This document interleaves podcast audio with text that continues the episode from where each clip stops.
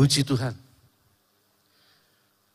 Selamat pagi Bapak Ibu Saudaraku yang Tuhan kasih hadir bersama-sama kami di hadapan Tuhan di tempat ini. Dan juga kepada Bapak Ibu Saudara keluarga jemaat yang mengikuti live streaming. Kiranya berkat Tuhan turun atas kita di dalam limpah kasih sayang Tuhan Yesus Kristus. Baik saudara, tema yang akan saya bawakan adalah tentang jejak keteladanan. Minggu beberapa minggu yang lalu, saudara, saya untuk yang seri pertama sudah saya kemukakan di ibadah yang kedua dan di ibadah ke satu ini saya kasih satu dua, saya akan ulangi sedikit karena seri dua itu hanya pelengkap sebetulnya ya dan ketiga keempatnya nanti beda lagi. Dan saya akan mencoba secara efektif menggunakan waktu, itulah sebabnya Bapak Ibu saudara juga tolong serius mendengar ya, sebab firman ini buat saya adalah sebuah uh, pembelajaran untuk pendewasaan iman. Mari langsung saja kita lihat ayatnya Bapak Ibu. Dikatakan di dalam 1 Timotius 4 ayat 12, firman Tuhan berbunyi demikian. Jangan seorang pun menganggap engkau rendah karena engkau muda. Jadilah teladan bagi orang-orang percaya dalam perkataanmu, dalam tingkah lakumu, dalam kasihmu, dalam kesetiaanmu, dan dalam kesucianmu. Ya. Puji Tuhan, kita lihat pendahulunya dulu saudara ya. Saudara, dikatakan di sini jangan seorang pun menganggap engkau rendah karena engkau muda. Ternyata firman Tuhan saudara, kita harus belajar kepada orang muda. Orang muda dituntut menjadi teladan loh. Ya. Saya banyak meneladani orang muda beberapa, dari beberapa hal. Terbuka saja kepada wakil gembala. Ada banyak hal yang saya belajar dari beliau. Dan firman Tuhan betul. Anak muda jangan bergantung kepada yang tua. Saudara juga bisa dituntut untuk jadi teladan. Nah kalimat Jangan seorang pun kalau dalam tata bahasa itu masuk dalam kalimat negatif partikel. Artinya menghentikan tindakan yang sedang dalam proses. Jangan. Orang mau melakukan sesuatu, eh jangan. Ini negatif partikel dalam pengalimatan kalau kita belajar dalam tata bahasa. Kata jangan. Ya. Dan selanjutnya kita lihat istilah muda, saudara, dari referensi yang saya pelajari, dalam budaya Romawi dan Yunani pada waktu itu, merujuk kepada seseorang sampai usia 40 tahun. Muda. Ya. Jadi 40 tahun, kalau zaman itu budaya Romawi dan Yunani. Nah kalau kita lihat dalam kontekstual Alkitabnya, sudah yang dibaca ayat 1 sampai 16. Ini ayat adalah nasihat Rasul Paulus kepada muridnya yang muda, namanya Timotius yang usianya belum mencapai 40. Dia harus menggantikan Paulus, rahu, ya, sebagai apostolis. Kerasulannya diturunkan kepada dia untuk melanjutkan. Nah rupanya ada pengajar-pengajar sesat, guru-guru palsu, menganggap rendah. Lalu Paulus kasih, kamu jangan kalah, justru kamu harus tunjukkan bahwa kamu bisa jadi teladan supaya guru-guru palsu itu bungkem, nggak bisa nilai kamu macam-macam. Ya ada lima keteladanan. Ya, mudah-mudahan nanti bisa kita pelajari bersama juga. Nah, kata muda juga dalam ayat ini, ya, dalam tulisan bahasa aslinya memiliki arti yang belum. Kok langsung itu ya? Nah, kata muda dalam ayat ini dalam tulisan bahasa aslinya memiliki arti yang lebih luas, saudara. Ya, mari kita lihat sekarang. Nah, orang muda kalau ditulis dalam bahasa aslinya ditulis dalam bahasa Yunani neotes. Nah neotes ini memiliki tiga pengertian saudara. Yang pertama, orang yang jumlah usianya lebih sedikit dibanding orang lain. Saya sudah cukup umur, sebentar lagi akan lakcap. Tapi di depan saya ada Ibu Dedi dan Ibu Gunarto lebih, tu, lebih, lebih tua dari saya, jadi saya muda. Saya masuk muda. Orang yang jumlah usianya lebih sedikit dibanding orang lain. Dan saudara di bawah saya lebih muda, yang muda. Di bawah saudara lebih muda, ya berarti itu masuk golongan itu. Lalu arti yang kedua, cukup menarik, pemain baru atau orang yang baru dalam komunitas. Saudaraku orang umurnya berapapun, kalau masuk dalam komunitas baru, ya dia orang baru, masih muda dalam komunitas itu. Namanya baru masuk. Jadi sudah tidak masuk dalam umur lagi itu. ya. Kemudian yang ketiga, orang-orang yang sedang mengalami proses regenerasi. Nah, ini dia. Jadi orang-orang yang lagi dipersiapkan untuk jadi penerus. Itu juga digolongkan dia muda mungkin dalam pengalaman ya. Mudah dalam banyak hal. Jadi kata mudah di sini itu pengertiannya begitu luas. Kita lanjut suraku pada kalimat jangan seorang pun menganggap engkau rendah. Nah kata rendah itu digunakan dalam tulisan aslinya froneo. Memiliki arti ditantang, dilawan, tidak akan dipikirkan.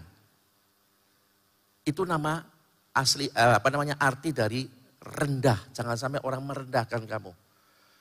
Nah dalam beberapa kasus suraku ada banyak anak-anak yang kemudian melawan, menantang orang tuanya. Bahkan nggak mau ngurusin. Kenapa? Karena tidak pernah ada sesuatu yang bisa diteladani dari orang tuanya. Jadi orang tua mesti hati-hati ya. Jangan otoriter, didik dengan baik, sebanding, disiplin dan kasih. Kalau sampai nggak ada yang bisa ditiru, sesuatu yang bisa dilihat, apa sih dari bapak saya gini? Sadis melulu, orang jadi berani menantang. Jadi berani melawan. Ke depannya dia nggak mau pikirkan. Sehingga tidak tidak sedikit maaf ya, banyak orang nggak mau, lempar aja ke panti jompo, selesai. Dimungkinkan seperti itu. Ya, tidak semua orang yang melempar ke panti jompo tidak sayang, belum tentu. Tetapi hanya bisa dimungkinkan seperti itu. Nah, lanjut saudaraku, nah kita masuk pada kata teladan. Dalam bahasa tulisan aslinya itu luas saudaraku, dikatakan demikian. Kata teladan dipakai kata tipos atau tupos. Penulisan bahasa Yunani saudaraku, pada Yunani waktu ini ditulis dan bahasa Yunani sekarang itu beda. Kayak Indonesia, Sumarno. Tapi zaman dulu Soemarno tulisannya. Jadi hanya beda-beda tipis karena gaya tulisannya. Tipos atau tupos itu sama. Nah ini suraku punya arti, ini dia sangat menarik sekali suraku. Satu model, dua pola, tiga cara, dan keempat adalah pengajaran yang dapat dicontoh, ini yang kalimat merah. Karena memiliki tanda bekas luka yang sudah sembuh saya kadang-kadang banyak terheran-heran dengan firman Tuhan, saudara. Apalagi kalau mempelajari tulisan aslinya. Maknanya dalam sekali. Ya. Itu tupos atau tipos itu teladan itu adalah model, pola, cara, pengajaran yang dapat dicontoh karena memiliki goresan atau tanda bekas luka yang sudah sembuh. Dan ini sungguh luar biasa memberkati kita semua. Mari kita lihat, saudaraku. Jadi kita lihat kata teladan di sini, untuk memiliki tanda atau jejak keteladanan, urutannya adalah begini saudaraku. Untuk kita bisa jadi teladan yang baik. Pengalaman memiliki luka. Dudu jare, ya, dia punya pengalaman. Kemudian dia sembuh dari luka yang diderita. Bukan pesakitan dia.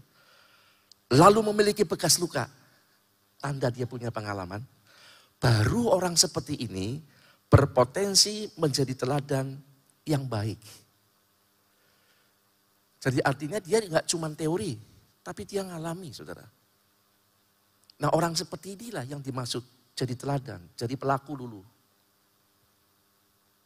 Istilah kata, jangan jarkoni.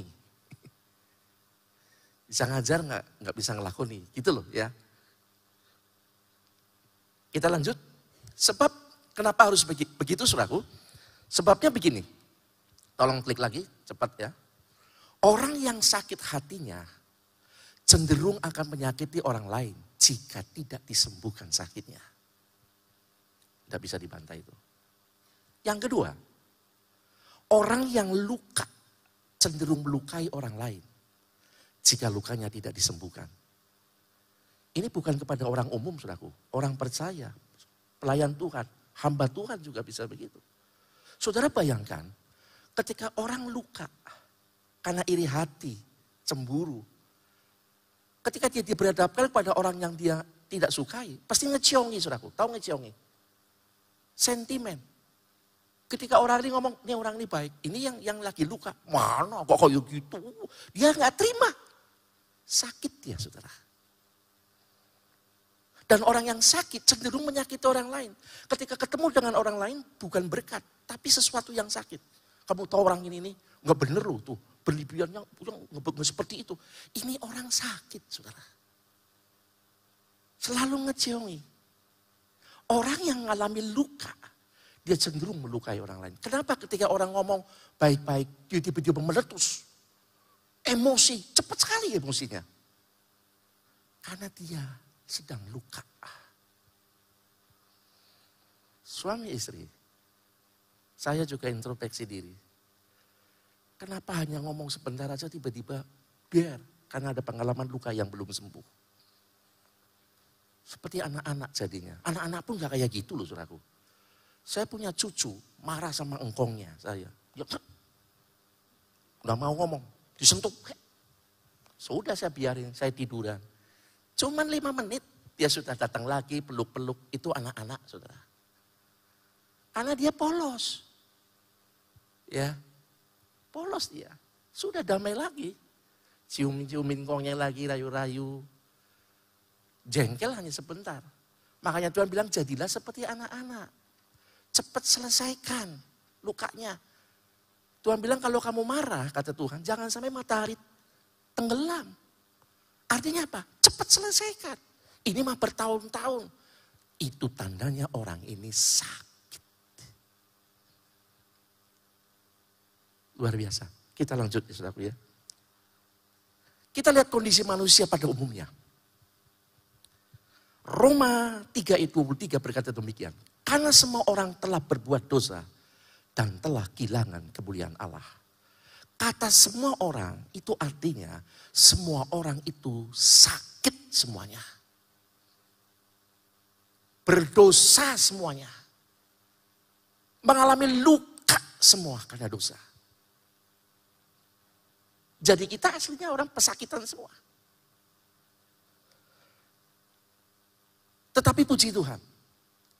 Oleh karena kemurahan Tuhan, lanjut, Secara keseluruhan, Yesus sudah mengatasi penyakit dosa kita.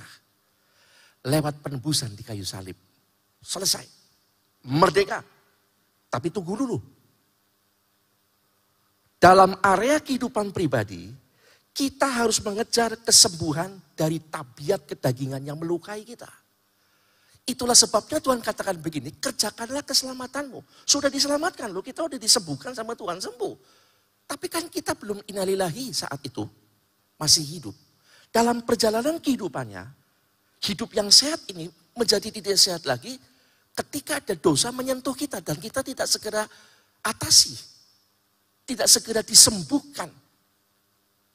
Kita jadi pesakitan, saudara. Itulah sebabnya Paulus katakan, kerjakanlah keselamatanmu. Ketika kita alami sakit, kita harus mengejar kesembuhan. Ibarat kita mandi. Apakah saudara ada di sini yang mandi cuma sekali seumur hidup? Tolong angkat tangan. Tidak ada. Kenapa harus mandi berkali-kali? Meskipun kita sudah mandi, kenapa harus mandi lagi? Karena ada debu-debu dosa yang tidak kita inginkan nempel di tubuh kita. Makanya kita mandi lagi. Kalau ada orang seumur hidup mandi cuma sekali, saya yakin dakinya ada 5 cm lebih. Mandi. Nah ini dalam kehidupan kita Bapak Ibu. Ya ini yang namanya menuju kepada gereja yang sempurna, mendewasakan iman kita bersama. Saya dan saudara. Lanjut saudara. Jadi kita harus sembuh dari semua sakit dan luka batin kita. Sehingga sakit dan luka itu hanya menjadi bekas luka karena kita, sudah sembuh. Saya kasih gambaran kemarin selaku minggu yang lalu. Saya punya luka, bekas luka di kaki. Kan orang kalau luka kadang-kadang ada bekasnya ya. Saya waktu muda itu nakal jujur aku. Aslinya ngejar layangan putus. Layangannya nggak didapat kedapatan teman lain. Saya pulang, saya lihat di pagar tetangga ada mangga, saudara. Saya nyolong, saudara. Loh saya jujur ya. Saya naik, teman-teman saya juga naik. Nyolong ambil itu mangga. Eh yang punya keluar. Teman saya lolos, saya belakangan. Saya loncat pagar itu, saudaraku. Set. Berhasil. Tapi waktu saya jalan, kenapa kaki, kaki saya kok perih ya bagian sini? Lalu ada lengket-lengket di kaki, ternyata darah. Dan saya baru tahu bahwa di bagian saya ini kena kawat duri, saudara. Dan lukanya cukup dalam, darahnya deras. Saya waktu esoknya pagi lihat itu di kawat duri, di situ ada daging kaki saya. Oh pantesan lukanya itu. Lalu sembuh luka ini. Nah bekas lukanya ada. Nah bekas luka ini ketika ditekan, karena sudah sembuh hanya bekas luka, tidak rasa sakit lagi. Beda kalau belum sembuh. Artinya begini saudaraku. Ketika seseorang sembuh dari pengalaman di fitnah, sembuh, bekas lukanya ada di hati, tapi dia udah sembuh. Dia disentuh lagi di bagian yang sama. Tuh. Orang ngomong tidak benar tentang dia, dia cuma tertawa. Saudaraku cuman bekas luka. Dia udah sembuh dari situ. Paham ya Dia tidak akan berpengaruh lagi. Karena dia udah sembuh di area itu.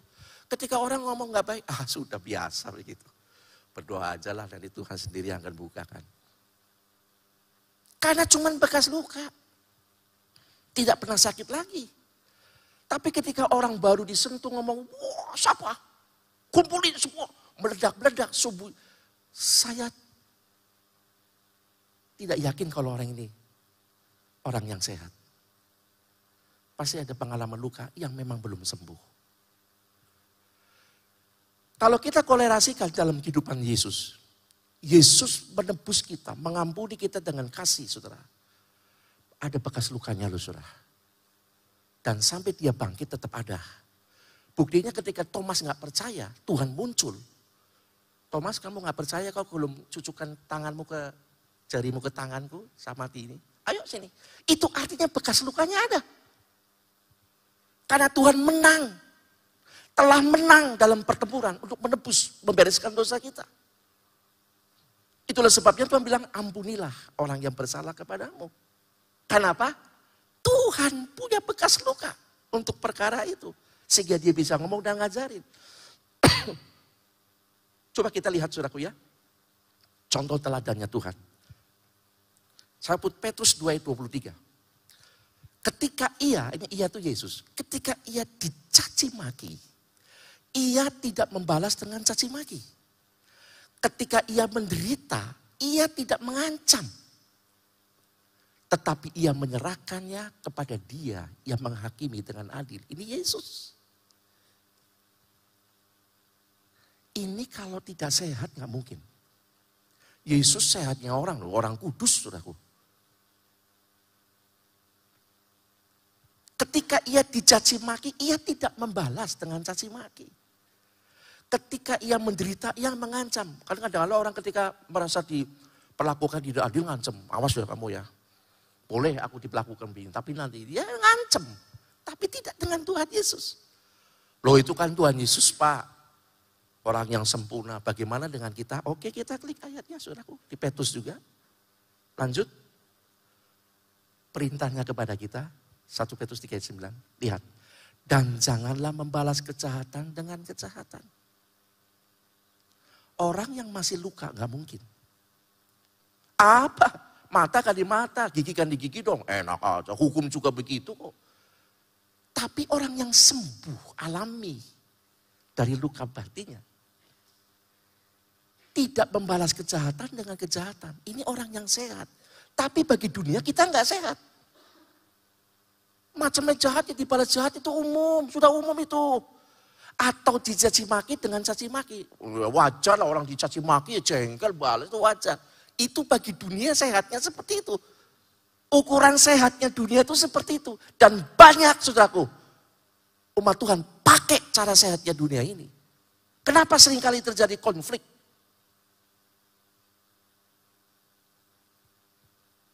Sehatnya kemudian Tuhan katakan, tetapi sebaliknya, hendaklah kamu memberkati. Karena untuk itulah kamu dipanggil, haleluya. Yaitu untuk memperoleh berkat. Kita hanya bisa diberkati kalau kita sehat. Yang menjadi penghalang kenapa Tuhan matanya, eh, tangannya tidak kurang panjang, telinganya tidak kurang mendengar. Yang jadi penghalang apa? Kita enggak sehat. Kita dipanggil untuk diberkati, saudara. Tetapi tanpa sadar sebetulnya ada penyakit-penyakit jiwa yang belum dibereskan. Bapak Ibu saudaraku yang Tuhan kasih, saya tertempelak banget dengan ayat ini. Dan kita tidak sadar kadang-kadang saudaraku, orang-orang yang sakit, kalau kumpul dengan orang yang sakit, ia jadi penyakit, mencemari. Datang orang yang mungkin sedang bersalah nih, datang kemudian ngomong ini orang yang lagi sakit. Tuh orang itu begini begini begini. Lalu yang ketemu orang yang bukan sembuh sakit tambah. Oh iya ditambahin lagi. Memang begitu orang begitu hati-hati dengan orang kayak gini. Ini pesakitan semua. Bicaranya soal penyakit saudara. Bukan solusi. Tapi saya diberkati saudaraku. Saya nggak sebutkan ada di jemaat ya. Kami berjalan bersama Lalu membicarakan orang, selaku kelemahan orang, orang ini begini, begini, begini. Yang satu, saya bukan menghakimi. Rupanya dia punya pengalaman luka yang belum sembuh. Iya orang begini, hati-hati lu pakai dia. Jangan dipakai orang model begini nih. Bahaya ini orang begini. Mulutnya, iya, itu. Tapi yang satu lain, iya ya kasihan. Kalau begitu kita harus terbeban untuk mendoakan orang ini Pak. Bagaimana Tuhan dipulihkan. Sehat nih saudara. Ini orang sehat nih begini yang sakit lain.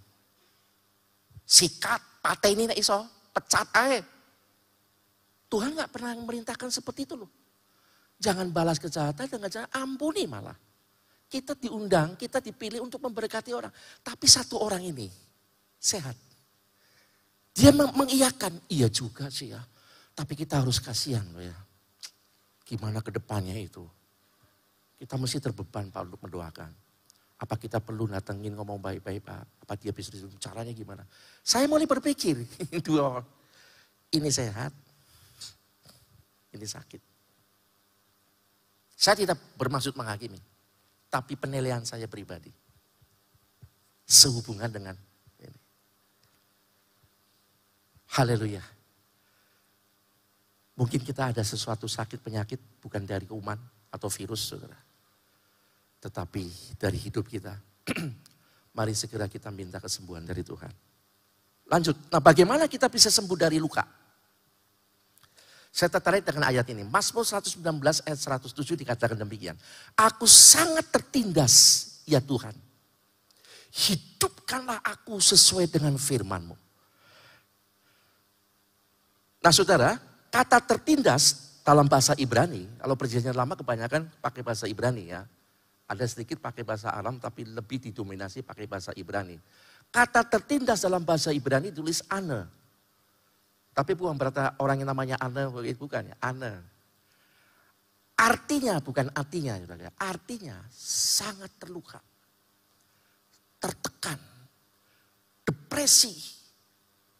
Orang yang selalu membicarakan kejelekan orang, itu orang stres. Itu orang depresi. Sakit dia. Pada saudara ketemu, ini ketemu orang ini nggak pernah ngomong baik. Sebab dia sakit, saudara. Dan tanpa sadar kadang-kadang kita juga kayak gitu. Depresi kan ya orang ini. Orang ini tertekan. Pasti ngomongnya nggak enak. Karena meluap. Tuhan kan bilang, Alkitab bilang, oh, apa yang kita katakan itu meluap dari hati. Kalau hatinya sakit, ya pasti racun yang keluar, saudaraku. Sehingga saya ingat ada nyanyian lama di Indonesia, racun di tangan kirimu, madu di tangan kananmu. Aku tak tahu mana yang harus kupilih. Eh bodoh namanya saudaraku. Pilih madu lah. Tetapi banyak orang-orang anak-anak Tuhan, ya bodoh. Tetap pilih racun. Ngerti itu racun, tidak saudara.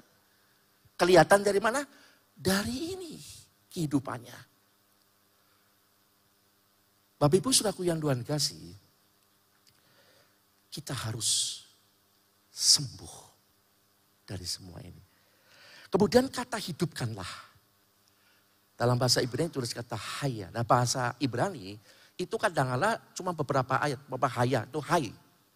Bukan hai hai itu hai.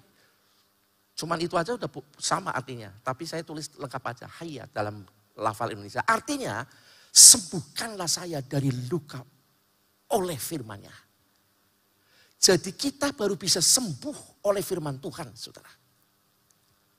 Tapi kalau firman Tuhan yang kita dengar cuma jadi pengetahuan, tidak dipraktekkan, ya kita nggak sembuh. Ibaratnya begini suraku. Kalau kita ini lapar, sakit kan perut kita. Eh jangan itulah. Kalau kita sakit flu katakanlah. Kita harus minum obat. Kita tahu obatnya sudah ada. Dan kita tahu itu obat flu. Yang saya perlukan. Tapi saya tidak mau makan. Sembuh nggak suraku? Saya bisa beraktivitas, tapi flu-nya nggak sembuh. Sampai obat itu dimakan. Dalam hal rohani begitu. Sakit jiwa kita itu obatnya adalah firman Allah. Kita dengar firman Allah, ngerti firman Allah, tapi nggak dimakan, nggak dipraktekkan, nggak dihidupi firman Tuhan. Ngerti, ngerti, tapi tetap kita sakit, saudara. Nah gereja Tuhan di akhir zaman, ini kita harus mengarah ke sana, saudaraku. Waduh, saya bersyukur, saya bukan melebih-lebihkan ya saudara ya. Bersyukur di gereja pada kau satu firman dibukakan lengkap saudaraku. Sisi berkat memang ada, sisi lawan dari berkat juga ada dibukakan semua. Pengajaran Bapak Gembala luar biasa. Banyak jemaat yang nonton di Youtube pada mengaku sama kami saudara. Perlu jarang didengar begini gereja-gereja Pandakosta. Enggak buka yang kayak gini. Sehingga kita yang dikasih tahu jadi bisa berjaga-jaga, apa yang perlu dirubah, dirubah. Nah kita dengar semua. Tetapi itu tidak akan pernah berarti kalau kita cuma tahu, tapi kita tidak akan menghidupi firman Tuhan itu. Nah ke depan saudaraku, saya dan saudara, mari kita lakukan firman Tuhan. Sembuhkan diri kita dulu. Terus saudaraku yang Tuhan kasih, di dalam Mazmur 119 ayat 71, ini juga saya ambil karena ini penting juga ada kolerasinya. Dikatakan begini, bahwa aku tertindas itu baik bagiku. Tertindas tadi kan sakit ya. Supaya aku belajar ketetapan-ketetapanmu. Di bawahnya sudah ada itu. Mengapa memiliki pengalaman tertindas atau terluka itu baik? Agar kita dapat belajar ketetapan-ketetapan Tuhan. Mesti kasih contoh. Misalnya begini suraku saya tertindas ketika saya direndahkan orang lain. Lalu apa yang dapat saya pelajari? Sembuhkan luka tertindas itu. Dan saya berhenti untuk tidak meremehkan orang lain. Ketika saudara dalam pekerjaan, di kantor maupun dapat, ada orang yang merendahkan saudara. Pimpinan saudara merendahkan saudara.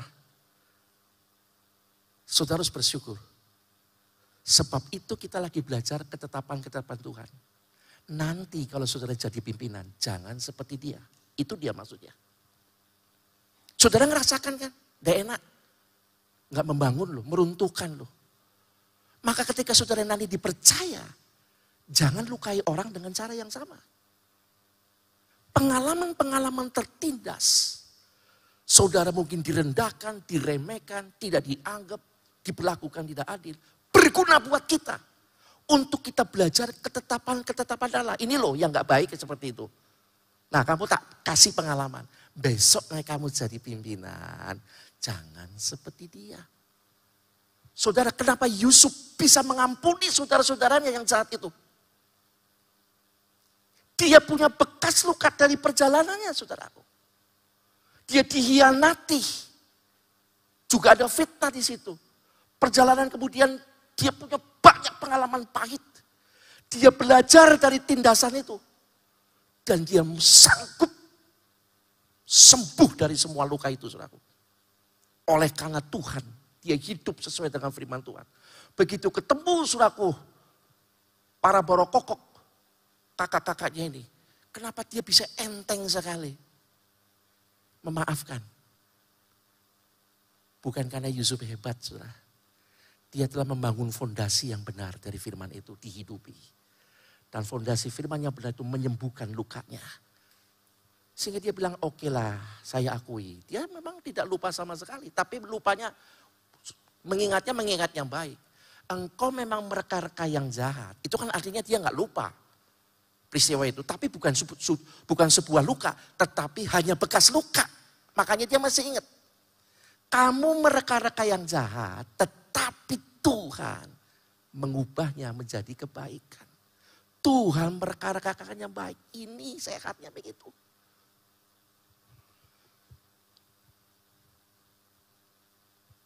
Jadi mengapa memiliki pengalaman tertindas luka itu baik? Agar kita dapat belajar dari ketetapan-ketetapan Tuhan itu. Dan kalau kita betul-betul renungkan ini firman Tuhan sangat mengagumkan sekali saudaraku. Ya, sangat luar biasa. Ya. Kita lanjut ya saudara ya. Perhatikan dalam 1 Tesalonika 5 ayat 23. Semoga Allah damai sejahtera menguduskan kamu seluruhnya dan semoga roh jiwa dan tubuhmu terpelihara sempurna. Dengan tak percacat pada kedatangan Yesus Kristus Tuhan kita. Saudara, inilah gambaran gereja yang akan sempurna. Roh, jiwa, dan tubuhnya sehat. Dari penyakit atau dosa, stadium roh, stadium jiwa, stadium tubuh. Dikatakan terpelihara sempurna. Kenapa pakai kata-kata terjalan sempurna dan kata-kata semoga? Karena memang banyak dari kita masih sakit. Kita mesti berjalan ke depan terus minta roh kudus pimpin kita. Untuk kita dimampukan menyembuhkan luka kita. Sehingga roh kita sehat, jiwa kita sehat, gak jahat lagi saudaraku. Gak suka ngeciongi orang lain. Orang diberkati kita gak bakal iri, itu memang berkatnya dia. Kenapa orang-orang diberkati? Alkitab ngomong, kalau ada saudara kita menangis, ikutlah menangis. Kalau ada orang diberkati, ikutlah bersuka cita. Tidak dibilang, iri dong. Minta dong sama Tuhan berkat yang sama. Enggak. Ikutlah bersuka cita. Ini orang sehat. Roh, jiwa, dan tubuhmu terpelihara sempurna dengan tak bercacat. Tak bercacat sini bukan berarti matanya burem, cacat, kupingnya maaf, kakinya dela. Bukan. Rohnya, kerohaniannya itu. Kehidupan rohaninya, roh jiwa tubuh kita tuh sehat. Sehat dari apa? Dosa-dosa. Dosa tubuh jelas kan ya, banyak. Dosa jiwa banyak. Dosa roh, stadium roh ada yang nggak terlihat. Itu kita sembuh semua. Dan inilah saya dapat gambaran gereja yang sempurna adalah gereja yang roh, jiwa, dan tubuhnya sehat. Selama salah satu dari tiga unsur kehidupan kita ini ada yang tidak sehat, ini perjalanannya akan jadi timpang, saudara. Untuk itu kita bersyukur, roh kudus diutus. Kenapa roh kudus diutus? Karena Tuhan tahu kita sebetulnya nggak punya kemampuan. Tapi roh kudus akan memberikan kemampuan kepada kita. Firman sudah disiapin. Kita butuh dorongan roh kudus untuk kita benar-benar bebas dari sakit. Bapak Ibu, apakah ada sakit itu sehingga sampai hari ini bisa ranjang? Tersiksa loh. Ini merah putih hari kemerdekaan. Saudara tidak betul-betul merdeka. Saudara orang yang tidak merdeka dari iri hati ya, dia selalu ngeciongi. Duduk pun pasti selalu jaga jarak. Aku nggak senang sama mana-mana wong kie, mana-mana wong kie. Sakit saudaraku. Ketemu dari jarak jauh saudaraku, dup, kayak layangan tugel. Supaya nggak ketemu. Sakit saudaraku. Ini menyiksa saudara. Saudara terbelenggu, terpenjara, dijajah. Dengan penyakit kita. Tapi coba saudara merdeka, sembuh, enak loh saudara. Ketemu jren, wah seneng. Tidak ada lagi batas itu. Itu yang disebut benar-benar merdeka. Haleluya saudara. Untuk itu kita semua harus belajar. Mau menuju kepada gereja yang sempurna. Seperti Bapak Gembala ajar kepada kita. Sembuhlah saudaraku. Saya kadang-kadang saudaraku mulai kenapa ya orang ini rajin melayani gini ngomongnya kok sengak. Saya baru ngerti setelah saya belajar ini. Sakit ternyata dia saudara. Tapi puji Tuhan saya juga mendapat ada jemaat, aku saya nggak sebutkan ya. Selalu ngomongnya positif. Iya ya, ngisi-ngisi nih ya, memalukan ya. Tapi ada tapinya. Tapi kita harus terbeban loh Pak. Sebagai anak-anak Tuhan. Untuk bagaimana ini sehat. Mari kita lihat ayatnya saudaraku. Orang yang disaksi yang seperti apa. Klik lagi. Orang yang dapat menjadi teladan adalah orang yang memiliki tanda bekas luka yang telah disembuhkan oleh firman Tuhan. Terus, tanda bekas luka adalah jejak pengalaman yang pernah ia alami sendiri. Jejak itu menjadi teladan. Nah ini baru ayatnya, kita masuk. Saudara-saudara, kalaupun seorang kedapatan melakukan suatu pelanggaran, maka kamu yang rohani, kata kamu yang rohani, kamu yang sehat. Sudah nggak sakit lagi. Punya pengalaman bekas luka. Tapi udah sehat. Kamu yang rohani. Lihat. Harus memimpin orang itu ke jalan yang benar dalam roh lemah lembut. Sambil menjaga dirimu. Loh kok hilang? Supaya kamu juga jangan kena pencobaan. Jadi orang-orang yang memimpin itu, Paulus ngomong orang-orang yang sehat. Kalau orang sakit, memimpin orang sakit, racun jadinya kepahitan. Saudaraku. Orang buta nuntun orang buta, kejeblos saudara. Ya kan?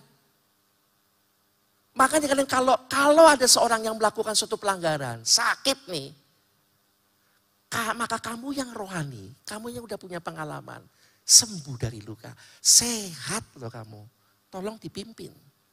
Jangan pilih orang yang sakit. Orang ini lagi sakit, mungkin karena kami, ya hamba-hamba Tuhan, atau mungkin juga bisa kepada gembala. Yang mimpin orang sakit, tambah gede, aku memang, dijoki ya. Oh, gembala atau berarti kan, papa, papa, papa, papa, racun. tambah parah malah. Tapi yang memimpin orang yang sudah sehat dibimbing sambil dikatakan ini, sambil menjaga dirimu. Ini orang yang sudah sehat rohani, ya hati-hati. Supaya kamu juga jangan kena pencobaan. Jadi ketularan sakitnya. Nah ini suraku, saya belum melihat gambaran bahwa gereja yang akan disempurnakan adalah gereja yang punya prototipe yang seperti ini, saudara. Saya dan saudara harus mengejar ke situ. Apalagi kita dengar khotbah Bapak Gembala itu sudah dekat sekali ya. Semakin ke sana, semakin ke sana. Nah kalau kita nggak mulai hari ini, mari kita sembuhkan luka kita dulu. Berhenti menceritakan luka kita. Berhenti mengekspresikan penyakit kita. Itu di mata Tuhan gak bagus, saudaraku. Apalagi kalau kita pelayan. Saya hamba Tuhan Sehingga jangan jangan jangan kaget saudaraku. Ketika banyak orang yang merasa dirinya punya apa namanya? peran besar. Di hari-hari terakhir kata Tuhan bilang, Tuhan, eh, aku ini loh menyembuhkan orang sakit demi namamu. Aku juga yang melumpangkan orang sakit sembuh demi namamu. Aku juga yang berbuat demi namamu. Wah hebat. Tetapi Tuhan kemudian lihat, maaf ya, aku nggak kenal kamu. Eh kamu yang membuat kejahatan. Saya mau tanya jahatnya di mana sih? Orang yang punya kemampuan pelayanan spektakuler seperti itu. Ternyata rohnya, jiwanya sakit. Jadi orang yang pelayanannya hebat belum tentu suraku dia sehat. Kan yang tahu cuma Tuhan hidup pribadinya. Untuk itu jangan pernah memuja, memuji seseorang pengkhotbah ke hebat ke khotbah kayak kesembuhannya. Oh di Tegal Indonesia, di Tegal khususnya pendetanya mana ini cuma pintar khotbah, orang bisa ngadakan mujizat. Ada yang ngomong seperti itu. Salah penilaian seperti itu. Sebab orang level begitu, ternyata Tuhan bilang lihat dia nggak sehat. Ehnya kamu melakukan kejahatan. Kenapa? Karena lukanya nggak sembuh, penyakitnya nggak sembuh, ya melakukan kejahatan terus. Walaupun spektakuler pelayanannya. Jadi itu pun koreksi buat kami hamba Tuhan. Yang melayani, saudaraku. Bapak Kepala kemarin menyinggung. Nanti dalam kemuliaan, kami-kami belum tentu ada di yang paling atas. Bisa juga saya masih ingat, beliau ada di sini. Bisa juga loh ada jemaat yang ada di atas, kita malah di bawah. Kenapa saudaraku yang Tuhan kasih? Karena orang-orang ini menang. Alkitab selalu berkata yang menang, yang menang. Menang dengan sempurna itu akan mendapatkan kemuliaan. Dan waktu kita hidup di dunia ini, kita bisa menjadi teladan. Rekam jejak kita bisa diteladani karena kita sembuh dari segala penyakit rohani. Roh Kudus akan memberikan kita kekuatan. Roh Kudus butuh komitmen kita. Ya. Untuk itu berhentilah berkata-kata jahat. Berkatalah baik. Berhentilah saudaraku berkata-kata yang kutuk dan sebagainya tapi berkatalah berkat. Lebih banyaklah mendoakan daripada menceritakan. Sebab kita semua saudara, kita bertanggung jawab untuk mengangkat saudara-saudara kita yang memang belum mengerti firman Tuhan setidaknya selevel dengan kita. Sebab Yesus berkata seorang murid kita akan lebih dari gurunya. Cukup sama. Itulah itu sebabnya Tuhan pun ingin supaya kita pun serupa dengan gambar anaknya. Sama. Standarnya seperti itu. Kiranya firman Tuhan ini memberkati kita semua.